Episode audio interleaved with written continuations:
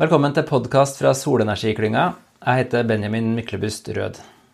I dag skal vi igjen snakke om flytende sol.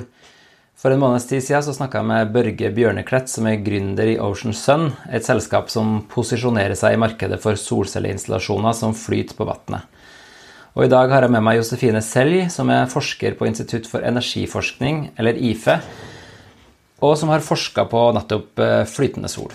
Velkommen, Josefine. Tusen takk. Eh, kan du først fortelle litt om, om deg og IFE, og hva deres rolle er i solforskning? Ja, jeg jobber da på IFE som, og leder gruppa som heter PV-system. PV, la meg starte der da, når jeg først introduserer en sånn uh, litt ukjent forkortelse. Så photovoltaics, det er altså solceller. Så solcellesystemer. Og vi ser på Det er en egen avdeling som ser på det som har med celle og materiale å gjøre. Og så tar vi over fra dem og ser på det som har med solcellene i energisystemet. Eh, og også modulene, altså ikke hver enkelt solcelle, men når de blir satt sammen til en modul. Så det ser vi på, hovedsakelig. Greit. Og da, da når du sier 'ser på', så er det forskning eh, dere driver på med?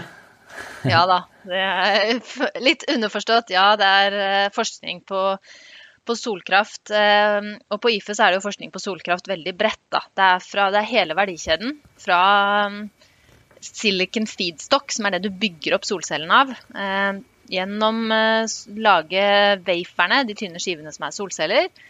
Lage solceller inn i moduler og da inn i, inn i systemer. Så vi har en veldig bred rolle når det gjelder forskning på solkraft i Norge. Mm. Og dere har jo eh sett nærmere på dette konkret, eh, ikke bare sol, eh, flytende sol, men òg den teknologien som Ocean Sun har. Hva er det dere har eh, vurdert da, og hva er det dere har kommet fram til? Det stemmer, det. Hva vi har vurdert og kommet frem til, ja. Eh, nå er det jo Da må jeg uttale meg litt generelt. fordi det er jo Ocean Sun som Når vi inngår forskningsprosjekter sammen med partnere sånn som Ocean Sun, så er det jo som regel de eh, partnerne som eier det meste av eh, IP-rettighetene.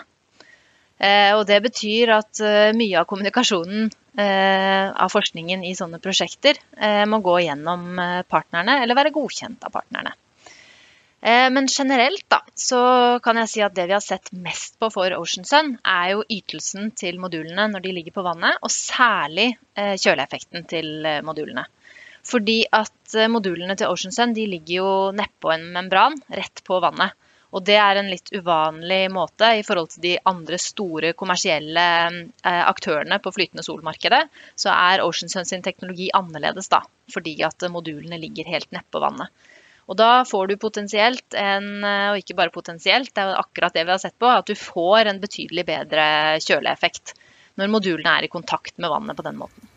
Ja, og det gjelder under hva slags forhold, da? For at i Norge kan du si at hvis du har lagt det på, på vann, så er kanskje vannet ganske kaldt, men i en del sydligere strøk så er jo vannet forholdsvis varmt, da vil jeg tro, men kanskje fortsatt ganske mye kjøligere enn omgivelsene? Ehm, det er det, fordi typisk eh, Altså omgivelsene er kanskje 30 grader, men eh, det er to ting som er viktig å tenke på der. Det ene det er at selv om omgivelsene kanskje ikke er mer enn 30 grader, så vil modulene være betydelig varmere. Typisk rundt 50 grader vil være en operating temperature, altså den temperaturen som modulene opererer på. Eh, og det er det som er avgjørende for effektiviteten til modulen. Så én, modul, modultemperaturen er høy.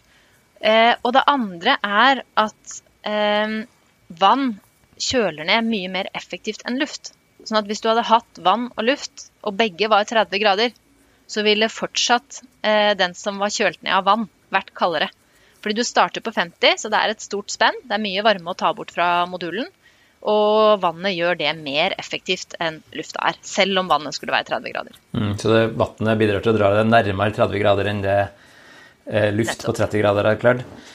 Eh, men eh, jeg tror jo vi har vært inne på flere ganger i, i podkasten, og folk som holder på med sol, eh, veit vet òg at liksom de, de, blir mer effektive eh, kald, når de er kalde, enn hvis de er varme. Men eh, hvor stor forskjell det vil det være da, sånn i, i praksis, hvis man klarer å kjøle ned et panel til, til 30 grader rundt ekvator, sammenligna med hvis det er 50 grader, f.eks.? 10 Eh, det er ca. 0,5% per grad i forskjell på effektiviteten. Ja. Og det er klart 10% Vi jobber lenge i laben for å klare å lage en celle som er 10% bedre enn den forrige cella. Så det er veldig betydelig. Mm. Og, og, så er det jo sånn foreløpig, og kanskje er det Kanskje vil det jo alltid være sånn at det er litt dyrere å bygge sol, solenergi på vann enn på land, men, men denne prosentvise forskjellen kan være med på å veie opp noen av de kostnadsforskjellene da, i økt produktivitet. Er det, er det, noe dere har sett på sånn kommersielt, eller er det bare teknisk? Eh, vi overlater jo det kommersielle til samarbeidspartnerne våre. Eh, så det er jo selskapene som eh, som driver det kommersielle. Men det er klart det er viktig for oss å ha en følelse med hva forbedringene er verdt. For selskapene ønsker jo bare å gjøre forbedringer som har kommersiell verdi. Så det er jo noe vi må ta med når vi, når vi vurderer. Og folk kan komme og spørre f.eks. kan de sette på Kan vi spraye modulene med vann? Og da er det klart at før vi går inn på å løse de tekniske problemene eventuelt med å spraye vann på modulene, så vil vi gjøre en, eh, en vurdering av om det er i nærheten å være kostnadseffektivt. Riktig. Men eh, du nevnte jo at det er, det er jo uh, spesielt og kanskje unikt med Ocean Sun det at, at, at solcellepanelene legger ganske direkte på vannet. Men eh, annen type patenter har jo Mm, den fordelen at de kanskje er tilta litt og kan fange mer sol direkte. Hvordan, eh, hvordan, kan man veie de to fordelene opp mot hverandre? Ja, Det er et veldig godt spørsmål. Eh, det vil jo avhenge helt av hvor du er. Hvor langt unna ekvator er du? Eh, og Ocean Sun er vel også ganske tydelig på at deres teknologi er aller best egnet relativt langt sør.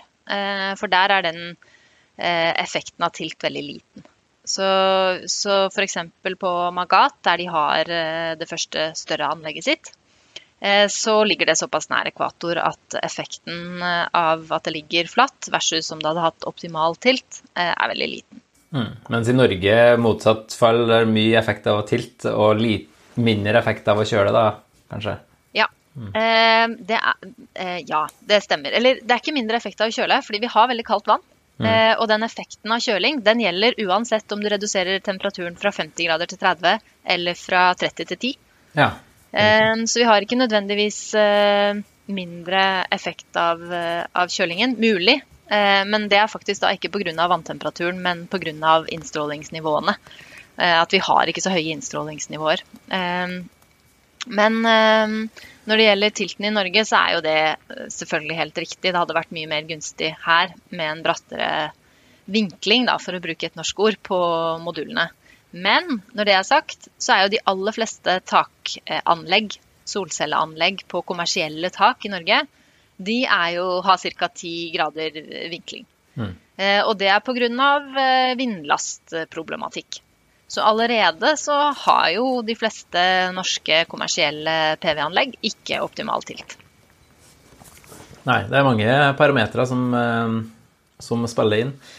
Men eh, har dere, altså har dere jobba med flytende sol litt mer generelt, eller har sett på sånn knytta til potensialet globalt sånn, eller eh, ser dere mer sånn konkret inn på teknologien?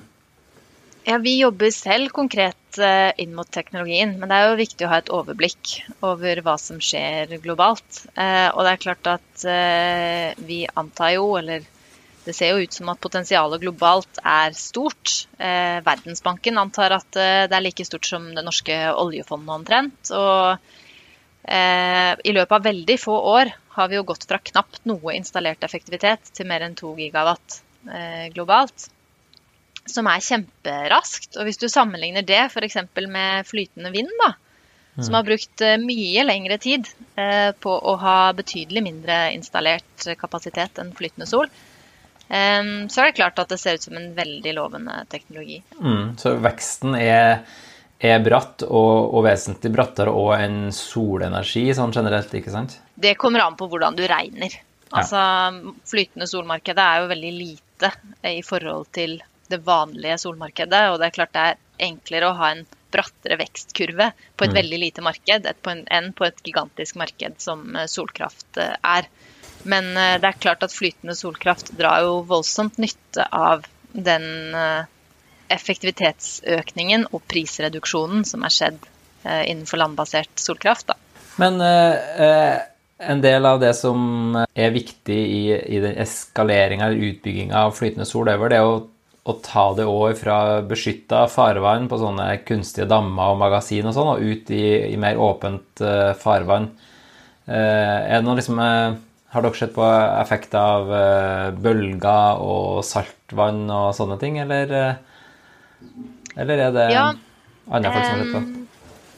Ja, jeg er jo enig med deg at det er eh, viktig å også finne eh, nye markeder for flytende sol. Når det er sagt, så bare ved å dekke 1% av ferskvannsreservoarene, så vil vi jo kunne installere rundt 400 eh, gigawatt. Oi. Så det er klart at potensialet bare på ferskvann og på relativt stille vann er stort i seg selv. Mm. Eh, men eh, selvfølgelig, hvis du kan bygge på havet, og jo lenger ut du kan bygge, jo større, større er naturligvis potensialet for hva du kan eh, installere. Vi ser jo på bølger og saltvann for modulene. Altså ikke, ikke på selve fly, flytestrukturen eller flottørene. Det er ikke vårt domene på, på gruppa for PV-system. Andre deler av IFE som kan ta seg av det. Men vi ser på hvordan eh, slag, altså det at du får stress på modulene, slag på modulene, og også saltvann som kan trenge inn i modulene, eh, det kan jo påvirke levetiden til modulene. Og det er noe vi jobber med. Ok, men du hadde jo nylig et eh, leserinnlegg i Dagens Næringsliv, og der skriver du at ja, solenergi representerer en unik mulighet for Norge, og da snakka du vel også spesifikt om kanskje flytende sol. Eh, hva slags eh, fordeler er det vi har i Norge som vi kan eh, dra nytte av i denne sammenhengen? Da? Nei, da tenker jeg jo primært for, på potensialet for teknologiutvikling. Eh, ikke nødvendigvis for, for installasjonen i Norge. Eh, men innenfor teknologiutvikling så bygger jo flytende solkraft på kanskje særlig tre næringer som eh, vi er gode på tradisjonelt i Norge, eller tre industrier. Eh, og det er jo vannkraft og olje og gass og solkraft. Eh, og når vi leter etter eh, nye grønne næringer som, som, kan ta over for litt av petroleumsindustrien, så syns jeg jo det, at flytende solkraft kan, være en like god kandidat som de tre andre som ofte blir dratt frem, som er CCS, hydrogen og havvind. Mm. Ja, det er jo noe vi har lagt merke til, at eh, solenergi ofte blir liksom glemt i de sammenhengene der. da. Kanskje for at det liksom i en del sammenhenger blir litt sånn lillebror, men, eh, men det er greit å Eller det representerer jo fortsatt ganske mange potensielle jobber i Norge, da. Ja, solkraft har ikke, vært, har ikke helt fått fotfeste på noe, noe, plan i Norge. Ok, men nå har jeg jo lest det innlegget du har eh, hatt i, i Dagens Næringsliv, som er nevnt, og så har jeg sett eh, noen kommentarer til, til, det her og der om hva folk eh, lurer på, da, eller eh, ja. tenker på når de hører om flytende sol. eh, og det er jo Det første er jo eh, Hvorfor skal vi legge det på vannet når vi har såpass mange ledige takflater og mye areal eh, i verden. Og du, du, var jo inne på dette med altså, at effektiviteten øker når du legger på vann, men det, det, er vel ikke den eneste grunnen? Nei. Jeg vil jo si at den viktigste grunnen er eh, fortsatt areal. Eh, så ja, i Norge har vi ganske mye tilgjengelig takareal. Men sånn er det ikke alle steder. Og det er jo, flytende solkraft er jo særlig aktuelt for eh, tettbygde områder.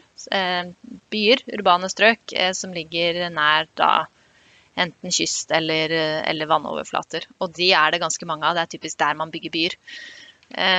og da er det Du kan selvfølgelig bygge et kraftverk langt unna byen, men da har du større transmisjonskostnader. Eh, du kan bygge havvind eh, utafor byen, eh, men det vil være mye mer synlig og da åpenbart forstyrrende for en del innbyggere enn det et flytende solkraftverk vil være. I tillegg så vil jeg understreke at det er to veldig forskjellige markeder. For du snakker om sånn distribuert energi på hustak. og Flytende solkraft vil jo primært være eh, større anlegg eid av eh, utility, altså eid av kraftselskaper. Eh, og vi trenger å bygge ut mer fornybar energi. Og da er dette to forskjellige drivere, og vi trenger begge to. Vi trenger både det distribuerte markedet og kraftmarkedet. Mm. Så det er ikke en motsetning. Nei. Ja, som du er inne på med, med, Norge kontra byer i kanskje Asia, at liksom det, det, er nok uh, mer takflate per innbygger i Oslo enn i Singapore, f.eks. Det er nok det. okay, men, men når så, det er sagt, ja. ja. så vil jeg jo si at det, for noen år siden så var det jo litt utenkelig at vi skulle bygge solkraftverk i Norge. Prisene var for høye, og vi hadde for mye annen rimelig energi. Eh, men det har jo endret seg fordi at prisene er falt så drastisk som det de har gjort. Eh, og bare i Danmark så er jo solkraft nå konkurransedyktig, altså landbasert solkraft, konkurransedyktig med vind. Eh, og hvis, først, hvis det først blir aktuelt å bygge landbasert solkraft i Norge, som det nå er store norske kraftaktører som faktisk reelt vurderer, så er jo ikke veien lang til flytende solkraft heller. Og hvis du ser på, Vi snakket om teknologiutvikling og industri på flytende solkraft i Norge. Så det er klart at et hjemmemarked er ikke, det er ikke helt nødvendig, men det er en kjempestor fordel. Så hvis vi mener alvor med flytende solkraft og utviklingen av teknologi for flytende solkraft i Norge, så, hadde det vært en kjempefordel om eh, vi valgte å også investere og bygge ut eh, flytende solkraftverk i Norge. Mm. Ja, det er veldig eh, spennende. Men jeg tenker før vi går eh, litt inn for landing, så er det et par eh, ting jeg tenkte å spørre om der, eller som jeg drar fram fra spørsmålet jeg har eh, sett. Og, ja.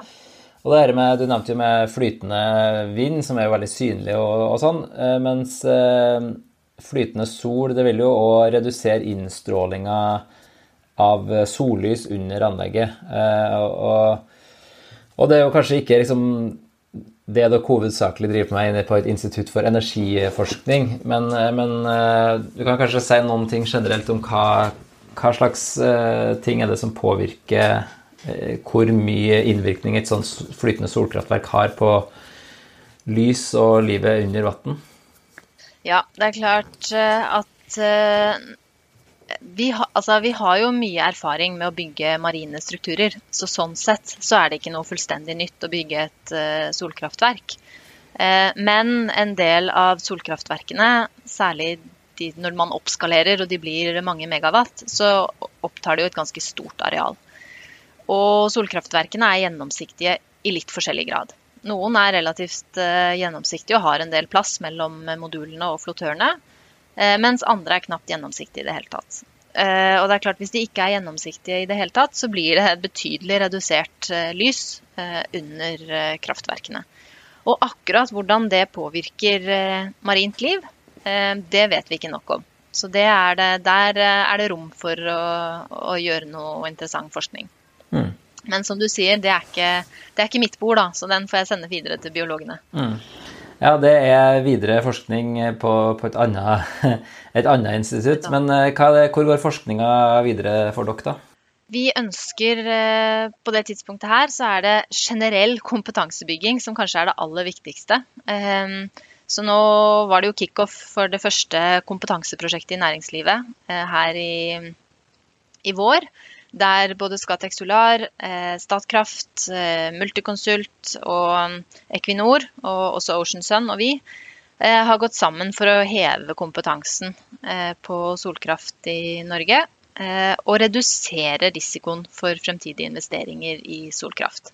Så svare på de spørsmålene som industrien har, før de tør å investere i flytende solkraft. Og det er mye knyttet til ytelse og levetid. Så hvor godt vil det produsere? Vi snakket om kjøling tidligere, og det har vært veldig mange myter knyttet til kjøling. Veldig usikkert hvor mye ekstra det egentlig produserer pga. kjøleeffekten fra vannet. Og i tillegg så er det en del spørsmål knyttet til hvor lenge, hvor lenge skal dette her leve? Kan vi, kan vi stole på at det holder garantitiden sin? Det er nye stressfaktorer som vi ikke ser på landbasert eh, solkraft. Eh, og vi er nødt til å være helt sikre på at det virkelig tåler en lang levetid. For det er avgjørende for å få et, eh, en, et eh, kostnadseffektivt produkt, altså lav levelized cost of electricity, som er elektrisitetskostnaden over levetiden til anlegget. Mm. Ok, nei, men eh, da tror jeg de som har hørt på, er et par hakk klokere om eh, flytende sol og hva det innebærer, og hva mulighetene i Norge er. Eh, og så kan jeg òg bare tipse folk da om å høre den episoden med Børge Bjørneklett i Ocean Sun. Og så er det en del ting av det du, har vært inn på som, som, er relevant med tanke på det som vi har snakka om et par ganger før, om bankability, altså vise at teknologien fungerer, sånn at man får investeringer i det.